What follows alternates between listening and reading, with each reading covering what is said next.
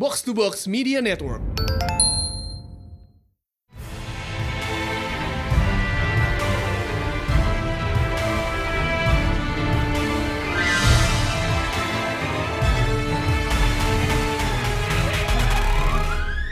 Welcome back to Pertelen Panel Show di mana kita membahas komik panel by panel bersama Mindan Hai Pris. dan Ada gue Amy dari Showbox. Hai. Yeay. Ini team up lagi ya. Ini maaf. Again Padahal- another crossover. Padahal belum sampai Godzilla vs Kong loh. Satu lagi itu. Nggak apa-apa lah. Oh, udah spoiler. Oke, nggak apa. So, jadi as you all know, sekitar minggu lalu kita punya satu drop besar di HBO Max ya. Mhm. Empat tahun penantian. Wait, yaitu, really? Has it been four Ya, it- years? yep, yaitu Wow. Oke. Tom and Jerry the movie. Yes. Betul. About banget. time. Uh-huh. Oh bukan, bocornya bareng Tom and Jerry the movie tapi. Oh iya. Itu skandalnya gede banget. Whoever was in charge was so messed up. Ya, so jadi eh, kali ini kita bareng Showbox, bareng Amy dari Showbox bakal ngebahas Zack Snyder's Justice League. Yes. Wah, The original vision Kayaknya finally gue coming. udah denger fancy bersorak-sorai deh di di kampung sekitar sini. Wah, gila tuh. Kemarin pas keluar berlangsung TL gue itu semua. Iya, iya. Ya, it- tapi it's it's big sih. Also, eh congrats juga buat Lisa yang baru nikahan. Yeay! Shout out. Oke, jadi Zack Snyder's Justice League. As we know, JL ini dulu pernah nongol 2017 di direct Joss Whedon. And it was mediocre at best. Yeah, kayak I was really going to question, really going to say mediocre because let's face it, it was pretty bad. At least the reception was pretty damn bad. Kan gue bilang at best. Really, at best. ya, jadi as we know, eh, selama sekitar 4 tahun in between 2017 sampai 2021 itu, eh, fan outcry-nya bener-bener gila lah tuh saya list. Kayak gue belum pernah ngelihat kayak fan movement sebesar ini, jujur, jujur aja loh. Dan gimana ya, gue tuh masih agak kagum karena ya ini tuh lu lu bisa lihat dari awal tuh kayak beneran hiruk pikuk permasalahan Snyder Cut ini tuh kayak eh Zack Snyder kayak pertama bilang iya ada it exists terus kayak ada aktor-aktor yang bilang yes it exists terus ada beberapa yang kayak no it doesn't dan Warner Bros sendiri bilang no it doesn't exist jadi itu kayak you don't know what's true and what's false anymore you don't know the truth but apparently it sort of exists walaupun ada beberapa reshoot but yeah we got what we got Ya, intinya ya mungkin sebenarnya ada tapi belum barang jadi lah. nah ya Ya, Kalau kayak gue termasuk kubu yang nggak percaya bahwa itu ada loh. Jadi gue merasa kayak tadinya gue cuma dipermainkan sama studio doang. Makanya. Gue sebenarnya udah agak kesel tuh kalau ada ngomongin Zack Snyder's Justice League tuh ngomong The Snyder Cut tuh gue udah kayak udah nggak mau denger. Maksud gue kalau ada ada, kalau nggak ada nggak ada gitu. Maksudnya soalnya gue kesel banget. Soalnya kesannya kan kayak Zack Snyder bilang ada, terus beberapa orang bilang ada, tapi terus studionya bilang nggak ada gitu. Eh nggak tahu ya ternyata sekarang dikeluarin juga gitu. Gue merasa agak-agak diperdaya gitu loh sama Iya. Warner Bros gitu. understandable banget we got we all got work.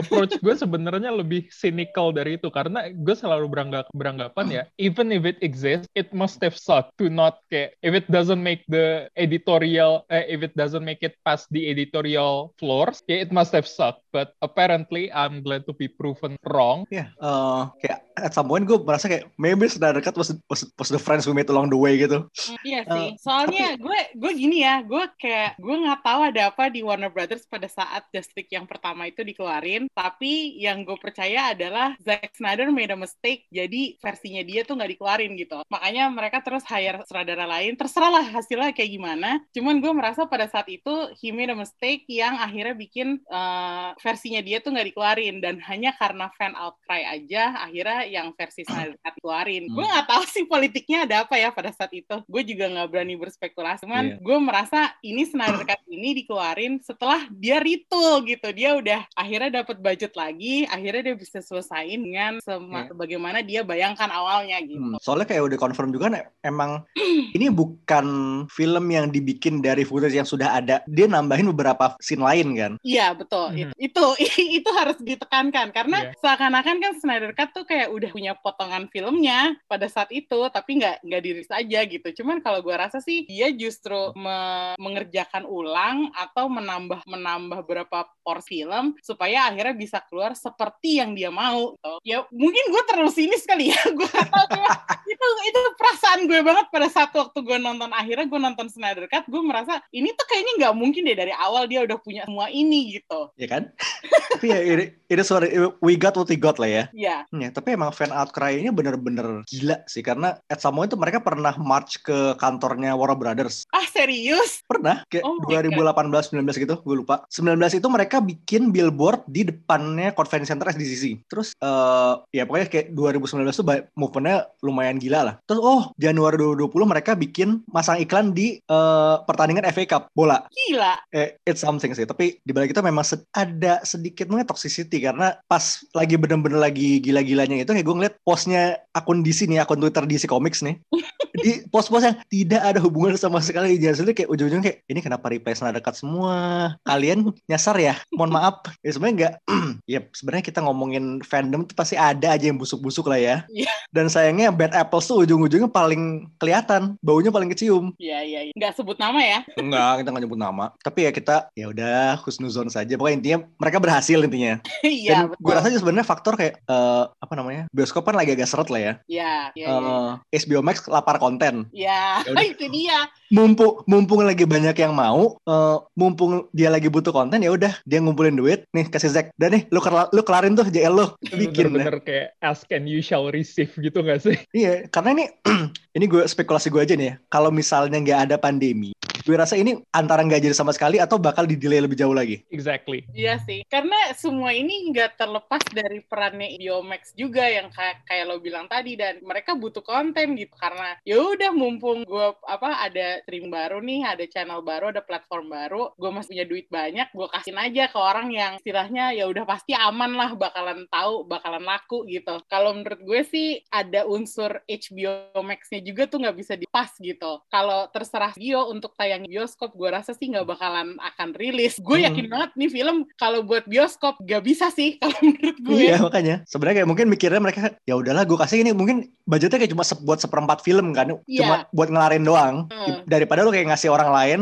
nih lu gue kasih budget buat bikin film lu bikin dah buat HBO Max gitu kan Iya, itu harus ditekankan juga sih karena eh, ya di era kayak istilahnya yang stream war sekarang ini ya masing-masing streamer kan bersaing buat konten kan dan Hmm. kebetulan aja sih HBO Max nih ya udah propertinya juga satu company gitu kan. Ya udah gue tambahin aja duit lo. Tuh kalau menurut kelarin dah tuh film. Iya. Iya, oke. Jadi, ya ini productionnya lumayan troubled to say the least.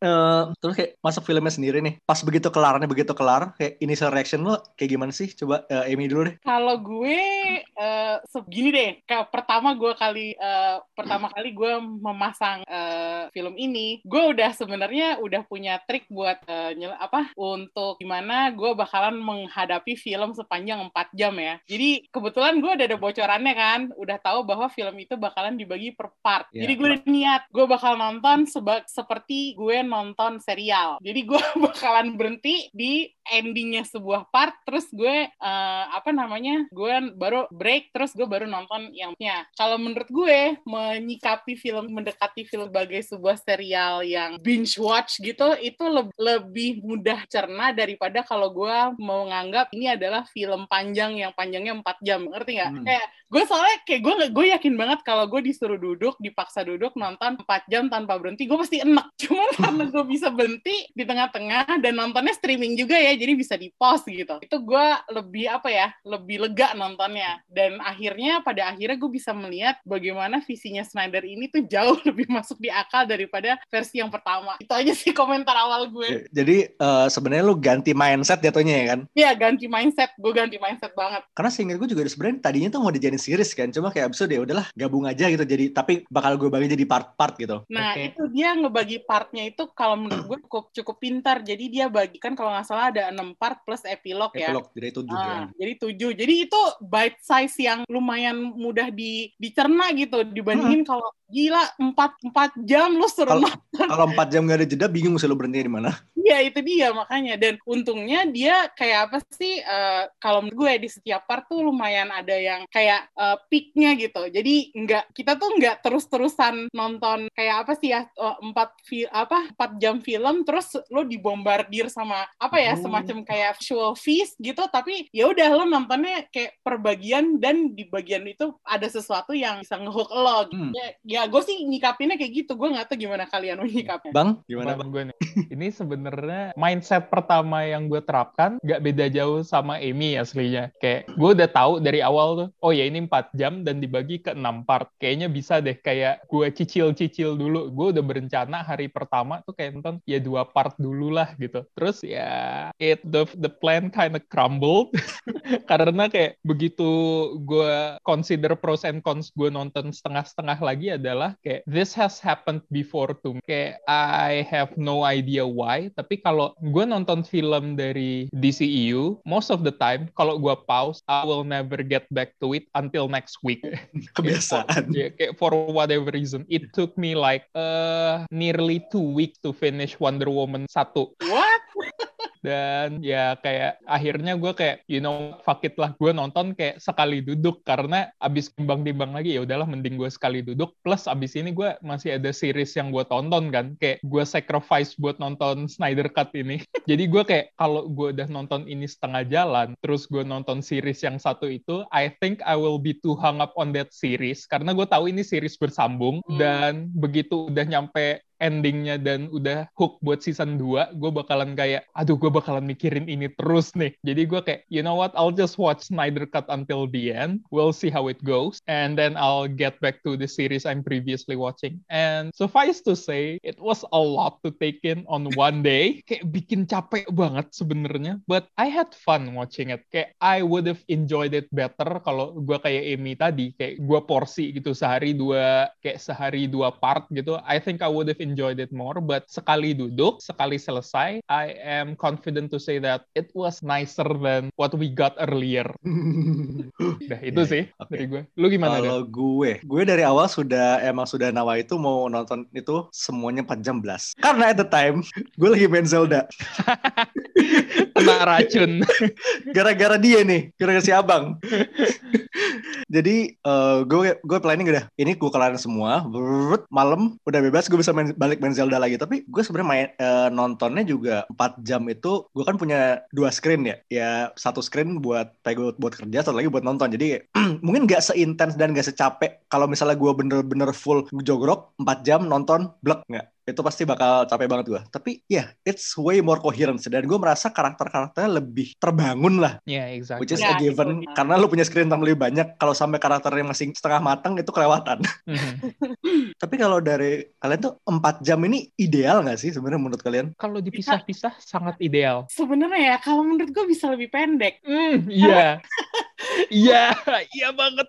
Karena banyak adegan kalau menurut gue kelihatan itu hanya untuk memuaskan apa ya memuaskan keinginan Zack Snyder untuk adegan-adegan cantik gitu loh karena banyak apa slow mo Ya. gitu kan terus banyak banyak gaya lah intinya kalau gitu. slow kalau slow mo-nya lo jadiin eh, normal pace itu jadi tiga jam setengah at least tuh iya itu dia makanya ngerti. dan yang gue satu-satunya sebenarnya gini ya kayak gue eh, apa namanya gue nggak ada preferensi sih gaya Snyder apa gaya Whedon kalau gue sih nggak mentingin itunya. Cuman eh, ketahuan banget film ini tuh beneran self indulgent banget buat Snyder kalau menurut gue ya. Karena itu adegan slow mo-nya banyak. Terus caranya dia nampilin The Flash tuh kalau menurut gue agak-agak aneh. Karena hmm, justru The Flash bukannya dipercepat malah diperlambat sama dia gitu. Gue eh, agak-agak gimana gitu ngeliatnya. Gak tau ya, gue energi energinya itu kan Quicksilver the X-Men basically Nah kan itu dia. Lo, Iya, lo, iya, iya. lo tau gak sih kayak gue ngeliat Quicksilver di X-Men tuh kayak this scene is so good kayak nothing will ever top this. Terus kayak Zack Snyder was trying to do the same thing but the impact was the same. Karena Iya. kayak gue ngeliat Flash lari terus dia nyentuh kaca dan kacanya pecah tuh gue kayak oh this is good, this is good. Terus yang waktu dia kayak ngepot gitu dan aspalnya rusak di kaki dia, gue kayak oh I am liking this. But then he played around with that hot dog for no reason wrong. Nah, Kayak- itu dia.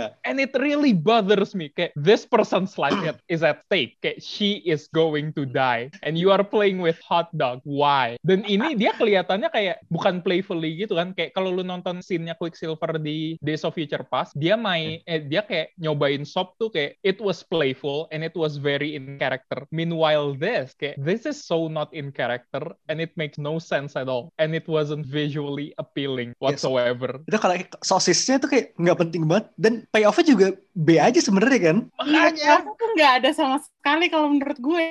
Heeh. Kayak apa hasilnya? Cuman dia tiba-tiba dapat kerjaan apa jadi dog walker gitu, gara-gara dia bisa friendly sama anjingnya. Itu tuh nggak penting sama sekali gitu I- dibandingin Wait. apa yang terjadi sama si Iris. Eh, itu Iris kan ya? Iris. That's Iris. But hang on, he didn't get the He job. didn't even though. get the job. He didn't even get the job.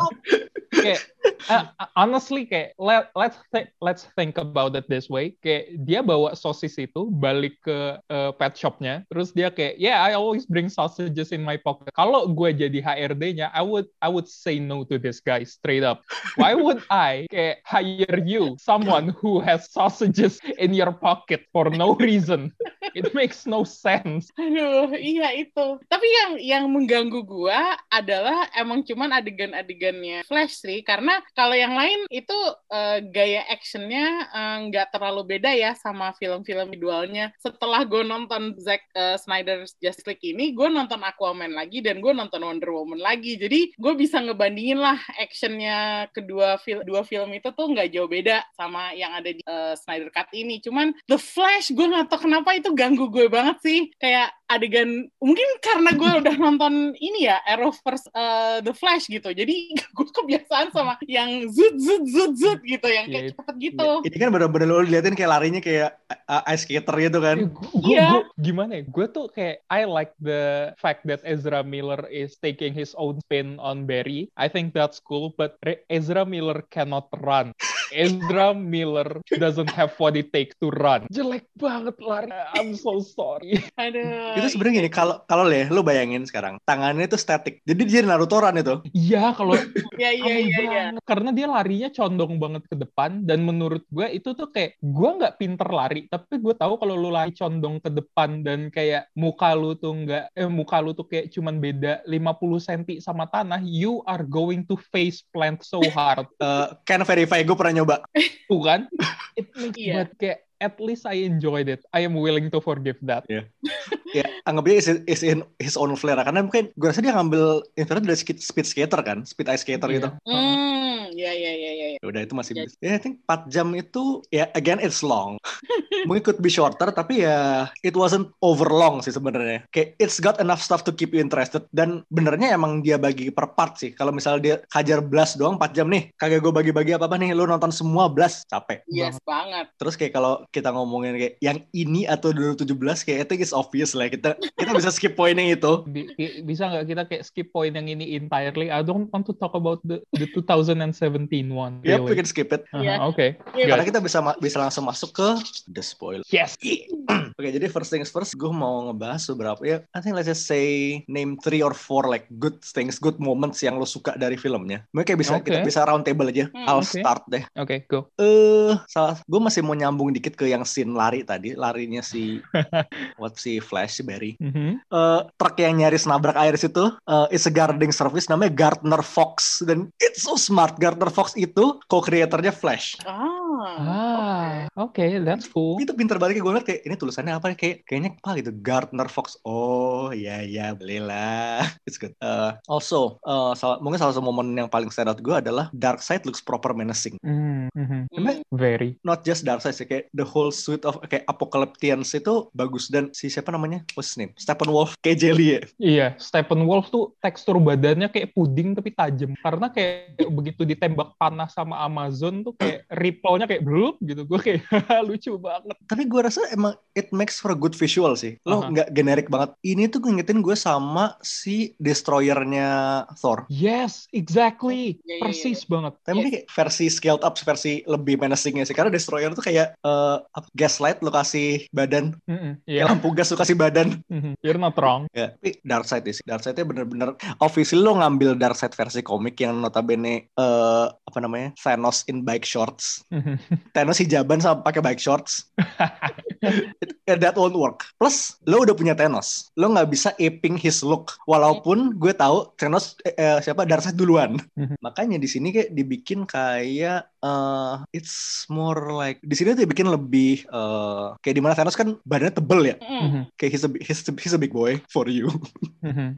di sini si Darkseid dibikin agak lebih kurus, agak lebih tirus dan Nah, lebih iya. berbatuan. Nah itu Ya. dia, itu sebenarnya yang gue suka karena Thanos tuh kayak bukan cuma Thanos sih kayak rata-rata villain MCU tuh mereka kayak for someone who supposed oth- uh, to look otherworldly gitu kayak eh, Thanos, Ultron segala macam kayak ya mereka kelihatan menacing but they look way too human Yes. menurut gue. Betul. Kayak Thanos tuh kayak he's an alien and this is MCU kayak you are free to do anything here kayak it's a different universe from the comics. I think I would have liked it more kalau Thanos di situ tuh bentuknya kayak way more alien like gitu kayak give him like eh, kakinya kayak kambing tuh I would have liked it because it's a very Itu different trop paling- incarnation. Ya, kalau enggak at least bikin dia jarinya empat gitu. Iya. kayak I think Jadi that would, Simpson. That would have been cooler but it wouldn't work well with the Infinity Gauntlet but still fuck it it would look awesome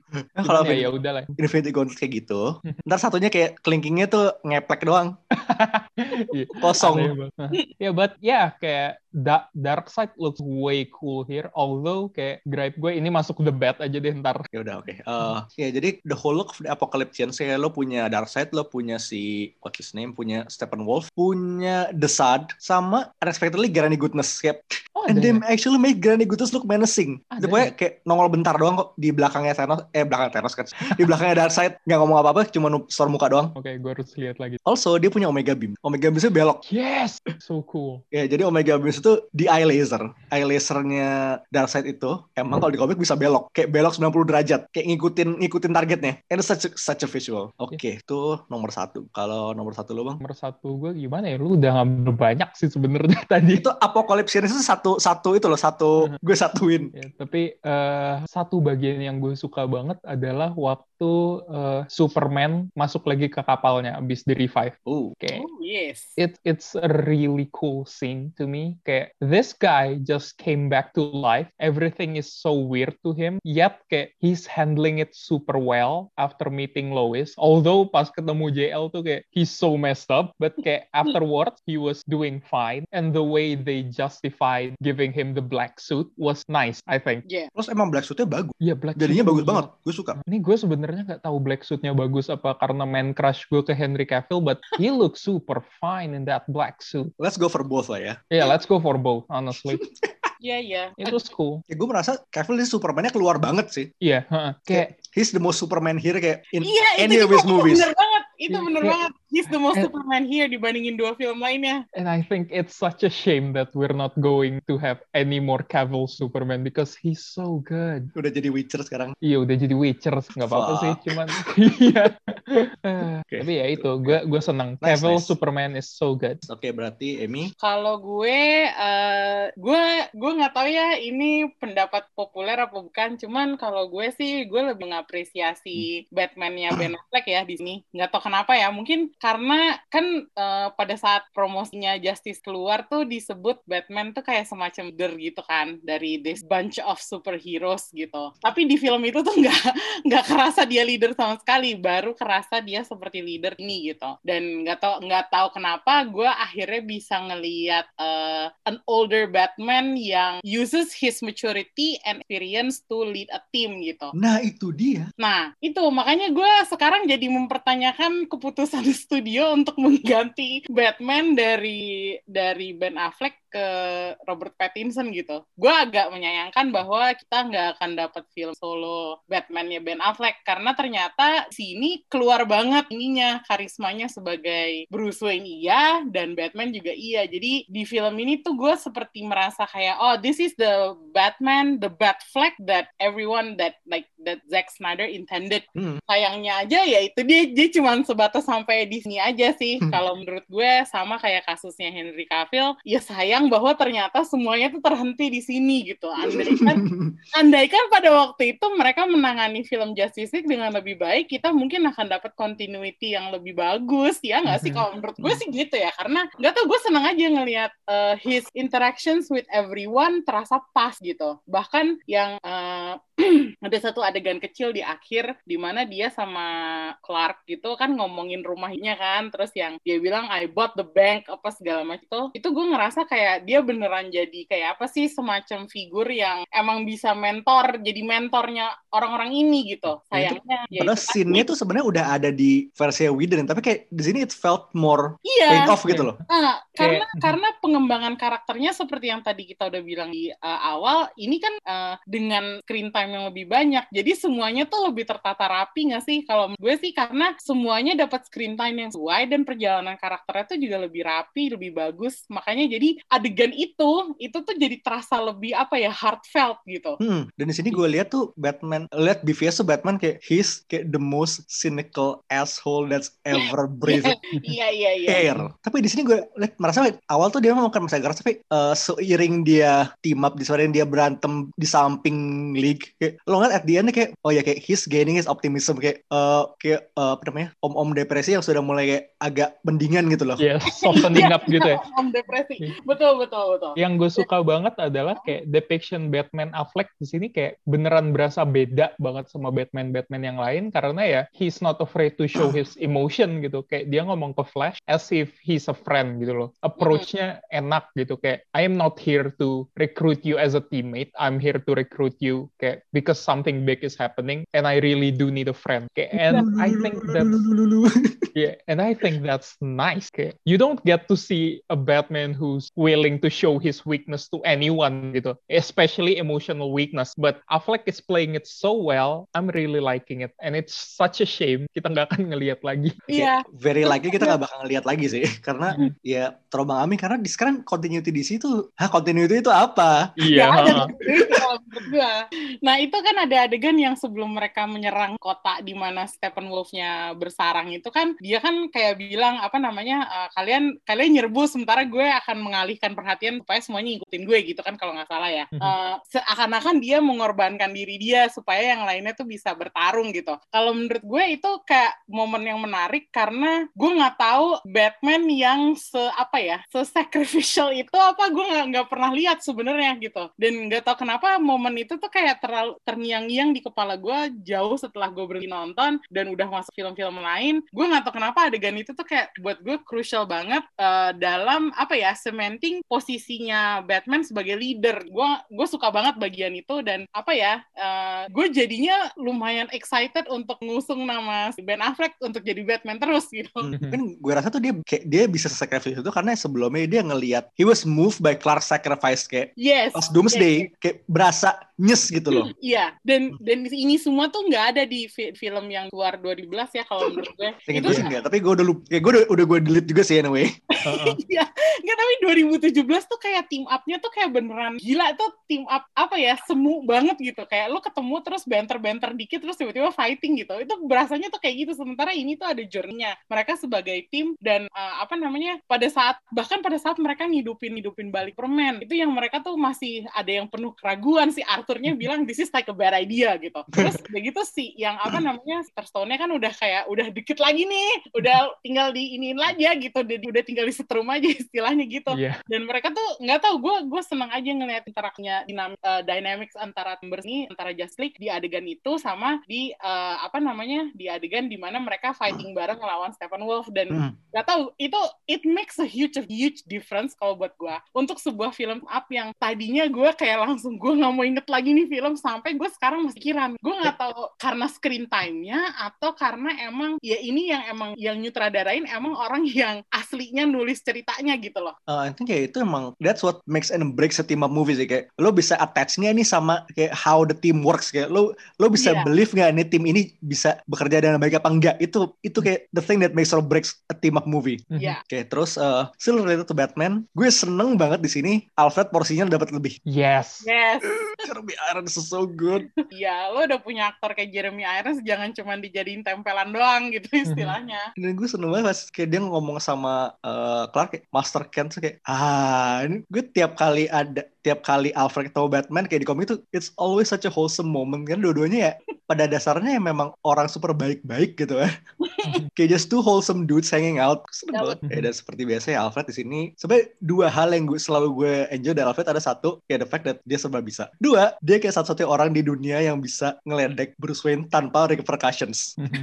Yes. selalu. Itu pokoknya tiap kali si Bruce ditusuk sama Alfred tuh yes please give us more. Dan sini Alfred juga lumayan banyak interaksinya sama anggota JL yang lain ya, maksudnya tapi Hmm. ada gitu. ada. Dan itu kayak apa sih menarik aja gitu ngeliat si Alfred tiba-tiba kayak ngomentarin eh, caranya Wonder Woman teh lah. Itu nggak tau like little moments yang nggak tau bilang aja sih. kayak it's kayak it's way more fun kayak to think that Alfred doesn't like how Diana does it karena ya kayak Diana has been living kayak for hundreds of years way longer than Alfred yet Alfred still thinks that he knows better and I believe he knows better too sebenarnya kayak the trope of the butler karakter yang kayak hanging out sama super team dan ujungnya juga cuma jadi numpang lewat kayak ngomentarin perilaku teammates itu it's a trope that I love. Kalau di komiknya Avengers kan dulu sempat aja ada Jarvis kan? Iya, Jarvis, iya. sempat ada Jarvis yang human gitu kan? Itu that's itu trope favorit gue sih. Eh, terus itu berarti nomor dua. Yep simply number two is Alfred.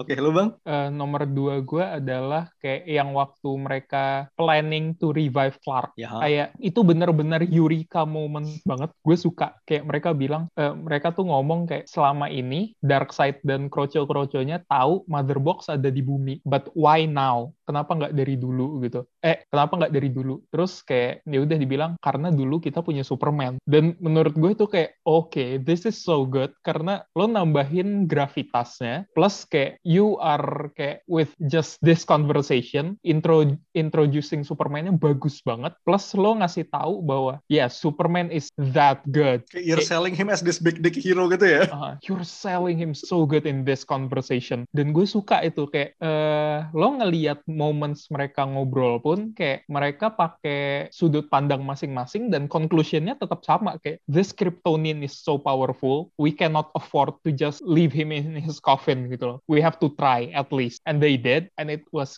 glorious. Gue suka banget. Itu momen kedua gue buildingnya bagus banget. Iya heeh. Eh, lu nih Eh, kalau gue sih ini momen kecil kali ya, tapi gue Gak apa. sih- gue ada momen kecil itu yang memang hebat sih eh, apa namanya? Eh, gue seneng eh, apa Henry Allen sama Iris West dibalikin lagi. Karena waktu Yes. pertama kali gue denger film Kin ya tahun 2016 gue sempat eh, baca interviewnya eh, aktrisnya yang main Iris Clemens. Dia bilang dia sempat syuting eh, Justice League cuman dikit tapi dia eh, seneng bisa muncul di film itu. Dan ternyata setelah filmnya rilis dia nggak ada kan? Dia sama dia tuh kayak di- Henry tuh ada. Henry tuh ada tapi Iya, scene-nya Henry cuma ada, satu. Iya iya. Dan kayak nggak nggak signifikan sama sekali kalau kita ngomongin 2017 tuh emang kayak ya udahlah ya mendingan dilupain aja. Heeh. Cuman gue seneng bahwa di sini tuh porsinya Henry Allen sama Iris lumayan substansial lah untuk bisa apa ya untuk menghapus eh, kekangenan gue atas karakter-karakter ini gitu. Eh, kan minggu lalu pas apa namanya pas eh, gue nonton ini eh, gue belum nonton The Flash season baru gitu. Jadi gue masih kangen posisinya gue kangen sama Barry sama Iris sama Henry gitu. Jadi nggak tau gue eh, bagian itunya bahwa mereka di restore ke per- ke porsinya yang seharusnya itu bikin gue happy banget. dan emang lu ngerasa tuh pas si Henry seneng-seneng gara-gara Barry dapat job di crime tuh kayak Iya. you can feel it Iya, it's a- it's a really nice moment di mana kayak lo tuh bisa lo bisa lo bisa ngeliat nih bapak sama anak nih beneran kayak apa sih mereka tuh masih deket dan mereka care gitu. Ada seperti yang kita tahu gitu ya antara hubungan antara mereka gitu bahwa si Barry tuh nggak pernah kehilangan kepercayaan bahwa bapaknya tuh Ya. innocent gitu. Hmm. Gue seneng aja. Gue seneng, gue seneng banget bahwa adegan itu akhirnya muncul gitu. Meskipun adegannya Flash agak katro seperti yang kita Iya. tetap ya. Cuman gue seneng aja bahwa terus udah gitu eh, si Barry sama Iris lihat-lihatan dan ada momennya gitu di- apa di leading up to that car car crash moment gitu. Gue seneng aja. Berarti nomor tiga gue ini sebenarnya mixed blessing karena ada plus minusnya di satu momen ini yaitu uh, The Nightmare Looks. Hmm. Ah, Hmm, looksnya bagus-bagus Yeah. banget sumpah. Oke, just let me start with Cyborg karena dia sekarang punya shoulder cannon. itu kayak salah satu We love shoulder cannons. Kayak itu salah satu fetish kita berdua when it comes to armored characters. Shoulder cannons are a must. That's why we love War Machine more than Iron Man. Yoi. Terus Deathstroke juga, uh, Deathstroke armornya udah bagus, kayak SI sudah bagus nih. Kayak ini tuh armornya kayak lo lihat di, what's the name, Arkham Origins. Armornya kayak keramik. ya nggak sih, keram, ballistic ceramic gitu. Iya, ha, bal- ballistic ceramic gitu. On top of that, pas dia buka helm, rambutnya mohawk kecil gitu. Iya. Love it. iya. As much as uh, Joe Manganiello ubanan, kayak with a full head of hair is cool, tapi slightly older Joe Manganiello dengan mohawk kecil itu, yes. It's even cooler somehow. It's even cooler. Only he can pull that off. I don't think anyone else can, really. So mohawk itu mohawknya putih. Ya kalau mohawknya orang lain hitam masih hitam blonde gitu kan, ini putih. Ya sebenarnya agak sayang karena kita ya nggak dapat lebih banyak Deathstroke sih. Mhm. Iya. Because goddamn Joe Manganiello kayak lo nggak nggak ngira kan tuh uh, Flash Thompson-nya Spider-Man 2001 tiba-tiba jadi gini. Oh wait, that was Joe Manganiello? Iya, Oh my god, I didn't. Okay. Oh my god, I didn't know that. dari bintang video Smash Mouth jadi Daddy ini. Gue gue gue inget Manganiello tuh ya dari How I Met Your Mother. gue ingetnya Joe Manganiello ya kalau dari Spider-Man sama dia main di Andy doang. Oh iya dia main di end. Main. eh itu sama armornya si Flash. Hmm. Eh, armor Flash yang di present day itu kayak lihat kayak tambal sulam, seliter tambal sulam itu eh, bagiannya tuh emang diikat pakai kawat gitu kan. And it's way too busy for my liking. Aha. Sejujur-jujurnya. Tapi yang Nightmare tuh kayak busy in a good way. Kayak lo punya this cyberpunk-ish helm, helmet thing yang bisa ngangkat ke atas itu kayak ya Rai Raiden gitu. kayak Raiden. Nah, itu dia. Cuma satu hal yang gue gak suka sih, the mustache. That was so bad. Kumisnya dia tuh Ezra Miller. Kumis tebel, it's a no-no. Kayak dia langsung, dia umurnya kayak langsung nambah 25 tahun. Gimana ya? Ez- Ezra Miller brewokan tuh keren sebenarnya kayak brewok tipis gitu. It's a look and he can pull that off. But this, Kayak om, om kayak Mario. iya. Here we go. Terus ya, as we know ya, trench coat Batman. Oh yes, yes, That's one. Iya, dan kayak justifikasi kartu Joker di senapannya dia itu gue suka. Ya. Also the Joker. Hmm, Ah, ah, apa? Jihaha hadis. iya. dia dia pakai gamis. Gue masih nggak paham kenapa dia pakai gamis. Pakai gamis, rambutnya gondrong, pakai bulletproof vest tuh kayak di vestnya tuh kayak ditempelin badge-badge polisi GCP, GCPD gitu. Kenapa dia jadi Taliban ini? Ini I get what you're, what you're going for, tapi kayak corny banget. I think it's uh, good, eh, kayak it's bad in a good way, kayak it's cheesy. Karena gue kayak, uh, mungkin bisa dimaafkan karena gini, it's a post-apocalyptic future kayak dikuasai Darkseid. Superman is his enforcer. Everyone's crazy. Joker just went even further into the deep end. Itu jadinya kalau misalnya orang gila tambah gila lagi baju kayak gitu. Mhm. Ya, gue setuju sih. I mean, I would prefer his look here daripada dengan dia rambut Joe yang gak jelas film apa tuh namanya? Suicide Squad. Iya, nggak tahu kenapa ini lebih menacing aja. Iya, yang gue benci banget adalah suara gua Asma jauh lebih bagus daripada suara Jared God, Leto that ketawa. fucking laugh. That laugh so bad. So I don't even know what to say anymore. Kayak it's so bad. Why are you doing that? You could have just laughed normally. Jadi menurut lo itu bad bad bukan good bad ya? No, Itu it's bad-bad. so bad. It's Bad. really bad. Oke, eh, oke that's good berarti ya. Dari gue udah tadi tiga. Lu belum, Bang? Oh ya, Iya. eh, Oke, no, Ini- you're number three. number The- my the number final three. good. Okay, My itu kayak nama event. Yeah. My number three would be kayak uh, the whole final battle sequence. I think it was Yes. awesome. It was It's really rewind time. good. Yeah, it's rewind time, baby. Kayak what? Kayak di sini adalah momen di mana gue bisa kayak semacam memaafkan larinya Flash yang super aneh itu. Karena karena kayak waktu dia lari ke Speed Force, I think it was Speed Force, right? It must be Speed Yeah, Force. let's just say it's a speed force. Yeah, kayak waktu dia breaking the So barrier. you don't and- so you don't have to explain explain shit. kayak waktu dia breaking the barrier dan lari pakai speed force-nya itu dan kayak badan-badan hero yang udah disintegrating tiba-tiba balik lagi dari kayak armor, muscle tissues terus jadi balik kulit lagi I think was amazing. Kayak the special effect was so masterful in that scene. I really enjoyed that. Terus kayak keren banget. dan setelah battle itu selesai, terus mereka berdiri samping-sampingan itu kayak Yes. ya kayak mereka Oh, memandang ke bawah itu. I think it was so cool. The Yang gue necessary hero shot. ya kayak yang gue sayangkan adalah ya Zack Snyder maksa banget ini di shot kayak buat dipasang di Instagram kayak Instagramable banget. so, makanya kal kalau ini shotnya lebih lebar lagi I think that would have been amazing Ya sebenarnya eh, format filmnya juga sebenarnya buat Instagram video kan. Iya makanya Iya.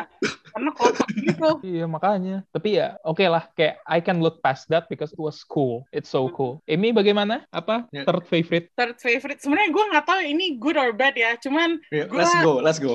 karena ini nambahin satu karakter aja. Jadi gue lumayan tertarik nambahin sebagai good. Yaitu Martian Manhunter. Yes. Nah Hmm. itu gue kayak waktu dia pertama kali nongol di adegannya Lois Lane, gue udah lumayan excited sih. Terus tiba-tiba terakhirnya dia malah ngunjungin si Bruce Wayne kan, dan dia kayak nggak pakai memperkenalkan diri langsung ngomong aja, gue bakal bantuin lo. Sebenarnya adegannya aneh kalau menurut Iya. gue. Lu Iya, siapa? aneh Ijo-ijo terbang. Adegannya Cendol raksasa. itu kayak cendol kolang kaling gitu aneh banget.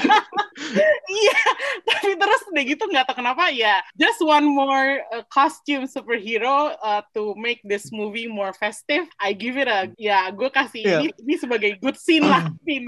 Menarik sih. Tapi sebenarnya legacy apa genesisnya si Martian Manhunter nih dari itu kan Harry Lennox itu kan jadi General Sonic tuh udah dari Man of Steel kan. Ya, udah, udah. Nah, Kayak orang-orang berspekulasi kayak gue nggak tahu nih apakah sebenarnya General Sonic itu sebenarnya ya udah jadi orang biasa doang terus kayak pas orang orang pada ngomong ini kayaknya bisa jadi Martian Manhunter nih kayak eh Zack just took that fan theory ball and ran with it gue nggak tahu ya Iya, gue juga, gue eh, sebenarnya waktu gue nonton dia di Moss ya pertama Yep. kali nongol ya. Moss pertama kali nongol, gue termasuk salah satu orang yang merasa curiga sama dia. Like he could be someone gitu. Karena why would you hire Harry Lennox gitu untuk main jadi suatu karakter kalau nggak penting gitu.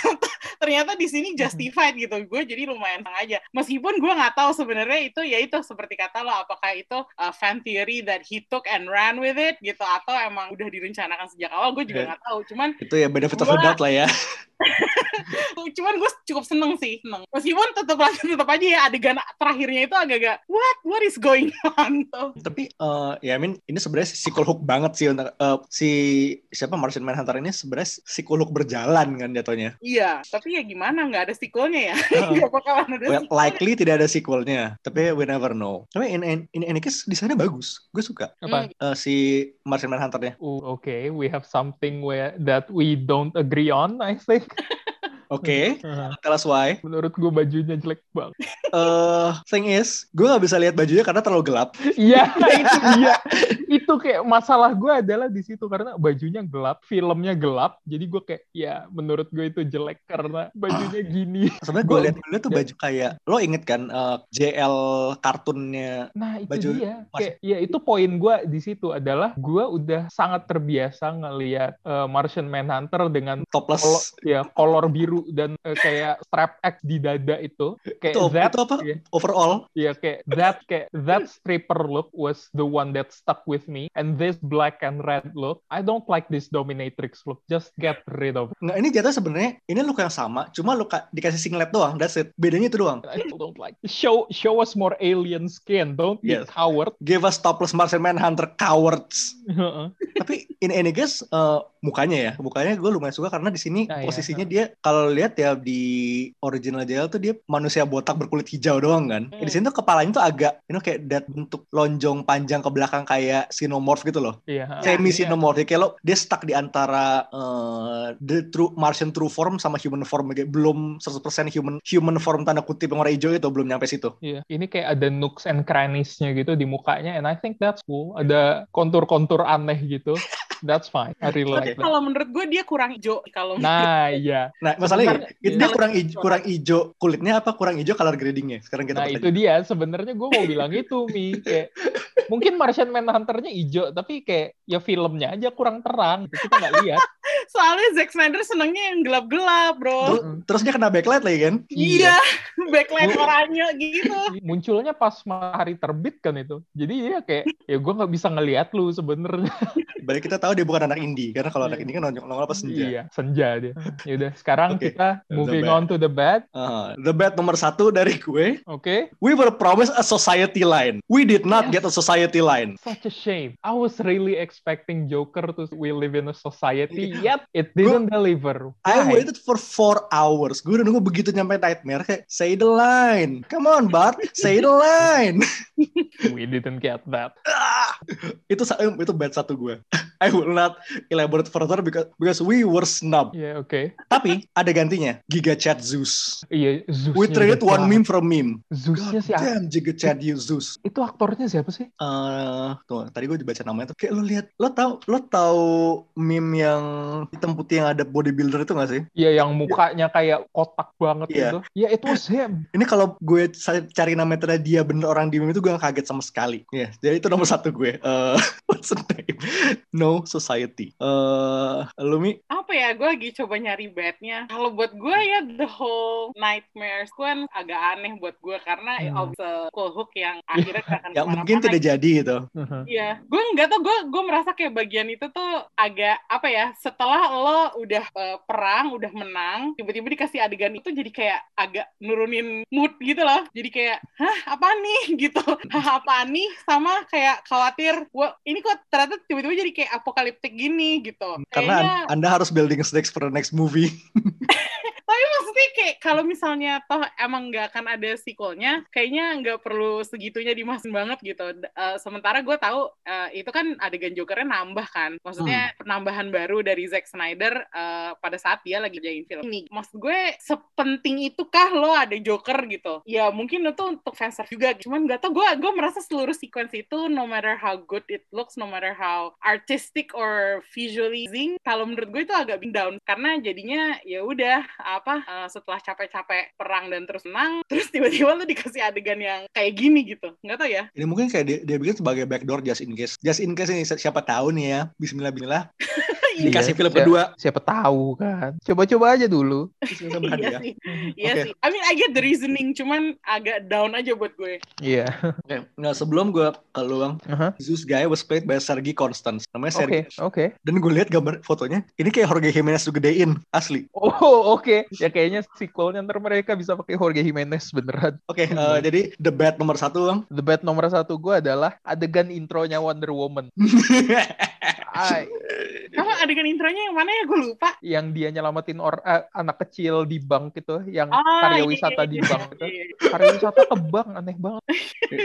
Bangnya sorry kayak kayak museum museum Bank Indonesia. Ya kayak Museum Bank Indonesia. Gue asumsikan begitu. Tapi adegan yang bikin gue kesel banget sama ini adalah unnecessary property damage. Why did she do that? Kayak dia pakai bracersnya, dia bikin temboknya runtuh, terus dindingnya hilang, rusak di luar dalam. Terus kayak why did you do that? Kayak we kayak nggak nyampe semenit yang lalu kita bisa ngelihat lu lari nangkis peluru. This guy is slower than a bullet. Why are you destroying buildings just to apprehend this one guy? Wait, he she wasn't even apprehending the guy. She was killing the guy. yeah that was In- weird He atomized the guy. She, yeah, she pulverized the guy in front of children. Kayak it makes no sense to me. Terus tiba-tiba ada anak yang kayak dia diem terus bilang, "Can I be like you?" Why would you wanna kill a guy?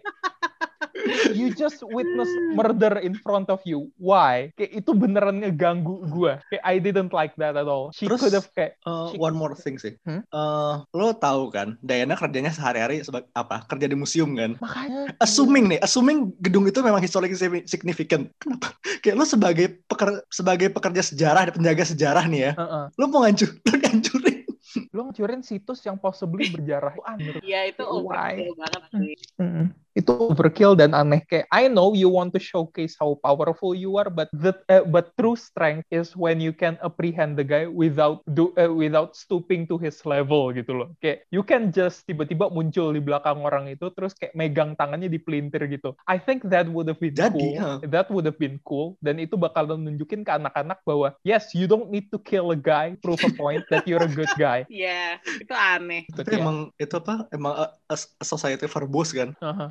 Oke, jadi itu no- eh, nomor dua. Satu, satu lo ya. Iya, ini satunya Amy sekarang. Eh, bukan, Amy udah ya tadi. Udah. Udah. Amy, Amy Ana, Nightmare. Ana Ya, lagi. Ya balik lagi. duanya Dana. Duanya gue eh, masih dari, dari Nightmare. Why is Mera even there? Yes. Buat yes. apa? Yes. Itu nomor dua gue juga sebenarnya. Tapi yes, good that you say it. Oke gini gini. Eh, me- lu naruh Mera di awal kayak di sequence di present day-nya ya it's okay. Ya, kayak dia memang sudah ada di filmnya kan. Hmm. Kalau lu misalnya lu ilangin ya mungkin nggak nggak susah bakal bakal merusak flow. Tapi kayak di, Nightmare ngapain? Dia cuma dia datang. Kita lihat dia bawa trident kan. Eh, asumsi kita adalah oh Arthur died. Now she has a trident. Peran dia bisa diganti dengan sebuah strap. Lu Batman bawa a- bawa trident udah kita tahu kita tahu Arthur mati. Peran dia seminim itu cuma bisa diganti sama tali doang. Kayak bahkan lu liatin Bat siapa kayak cyborg nenteng trident udah Arthur died. Oke, we all know. Hmm. Buat apa?